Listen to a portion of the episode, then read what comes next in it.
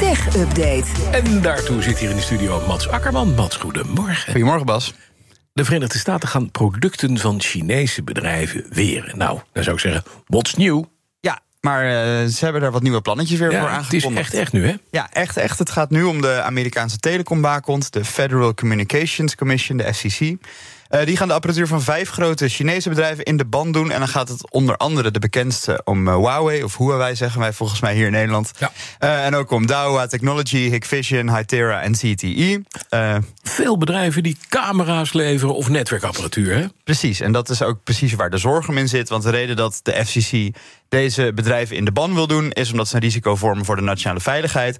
Omdat ze mogelijk via allemaal achterdeurtjes spionage mogelijk zouden maken eh, in Amerika. Dat zeggen de Amerikanen. Nou, dat heeft Huawei zelf altijd ontkend.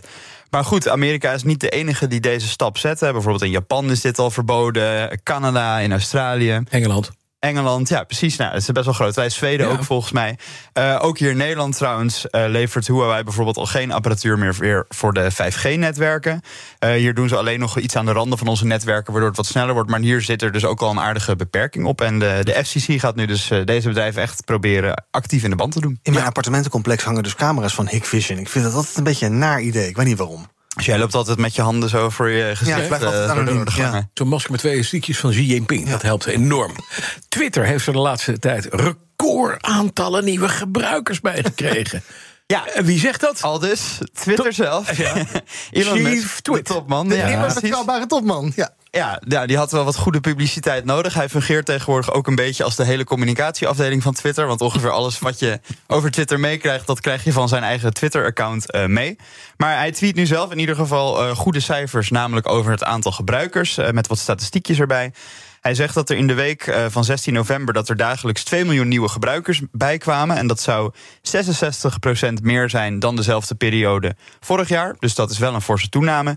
En in totaal waren gebruikers ook 8 miljard minuten actief op Twitter. En dat zou dan 30% langer zijn dan vorig jaar. Dus eh, ja, hij dacht ik gooi even wat positieve eh, cijfers erin. Ja. Want we weten natuurlijk, sinds hij daar aan het roer staat, is het allemaal niet zo positief. Nee, want hoeveel procent van zijn adverteerders is weggelopen? Dat is misschien ook een leuk percentage. Ehm, nou, van de grote adverteerders eh, was toevallig vorige week nieuws. Van de 100 grootste adverteerders was een derde opgestapt. En van de 50 grootste 14 toen. Misschien inmiddels meer. Au. Eh, en dat is inderdaad vervelend, want de adverteerders zorgen voor 90% van de omzet van Twitter. Dus als je die eh, niet meer hebt, dan is dat behoorlijk pijnlijk. Wat ook pijnlijk is, is natuurlijk het aantal mensen dat die heeft ontslagen. Dat Ja. is meer dan de helft van het bedrijf is er al weg.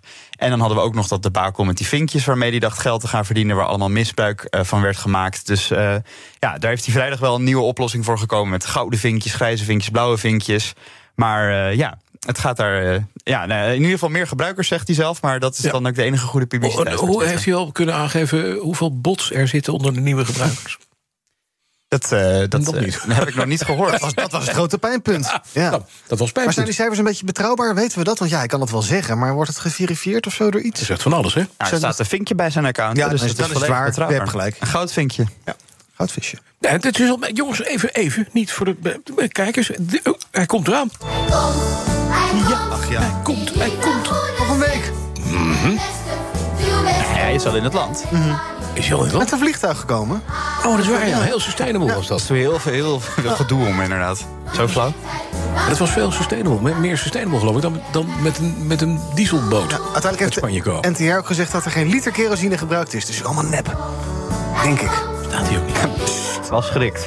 Zeg, eh, wat is er aan de hand, eh, Mats? Ja, Mats, Nou ja, het, eh, ja, Sinterklaas komt eraan. En dat betekent dat loodjessites weer topdrukte melden. Natuurlijk in deze tijd van het jaar. Loodjestrekken.nl, de bekendste, die hebben hun jaarlijkse feestdagenonderzoek weer. Eh, die zeggen, nou, afgelopen jaren was het door corona wat rustiger. Mensen waren toch wat terughoudender met een familieviering. maar nu loopt het weer storm. Het kwam wat langzamer op gang, maar nu is er topdrukte. Maar wat opvalt uit het onderzoek is dat het bedrag dat we met z'n allen besteden aan Sinterklaas, dat dat gedaald is. Dus je ziet toch dat mensen een beetje op de kleintjes zijn gaan letten door de, ja, door de stijgende energiekosten natuurlijk, stijgende levenskosten. Eh, uit onderzoek blijkt dat 14% van de mensen namelijk minder uitgeven dan vorig jaar.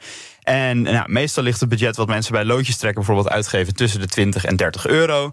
Maar het gemiddelde bedrag daalde van 23 naar 21 euro. Dus ietsje minder. En ook het totaalbedrag wat mensen uitgeven aan cadeautjes, dat daalde van 133 naar 114 euro. Dus daar zitten ook de cadeautjes in die ouders voor kinderen kopen. Dus ja, niet, niet heel veel minder, maar toch een klein beetje zuiniger. En ze hebben ook nog gekeken wanneer we dan met z'n allen daadwerkelijk Sinterklaas vieren. Want de meerderheid viert dat niet op 5 december. Maar het populairst is zaterdag 3 december met 31 procent. Daarna komt zondag 4 december. En dan pas komt maandag 5 december. Ja, maandag is toch niet zo'n hele fijne dag om, uh, om dat te vieren. Mensen doen het allemaal liever in het weekend. En wat, wat voor cadeautjes vragen, vragen mensen op? Ik denk een energiecadeaukaart. Dat je gas kan inkopen voor een paar tientjes. Een paar kuub gas zou ik op je, op je lijstje zetten. En leuk. Nee, mensen vragen uh, veel boeken, thrillers, kookboeken, kinderboeken, parfums. Maar uh, ja. ja. misschien inderdaad uh, een, kachel, een elektrisch kacheltje of zo. Dat dat ook wel uh, welkom is voor de winter. Mandje boodschappen.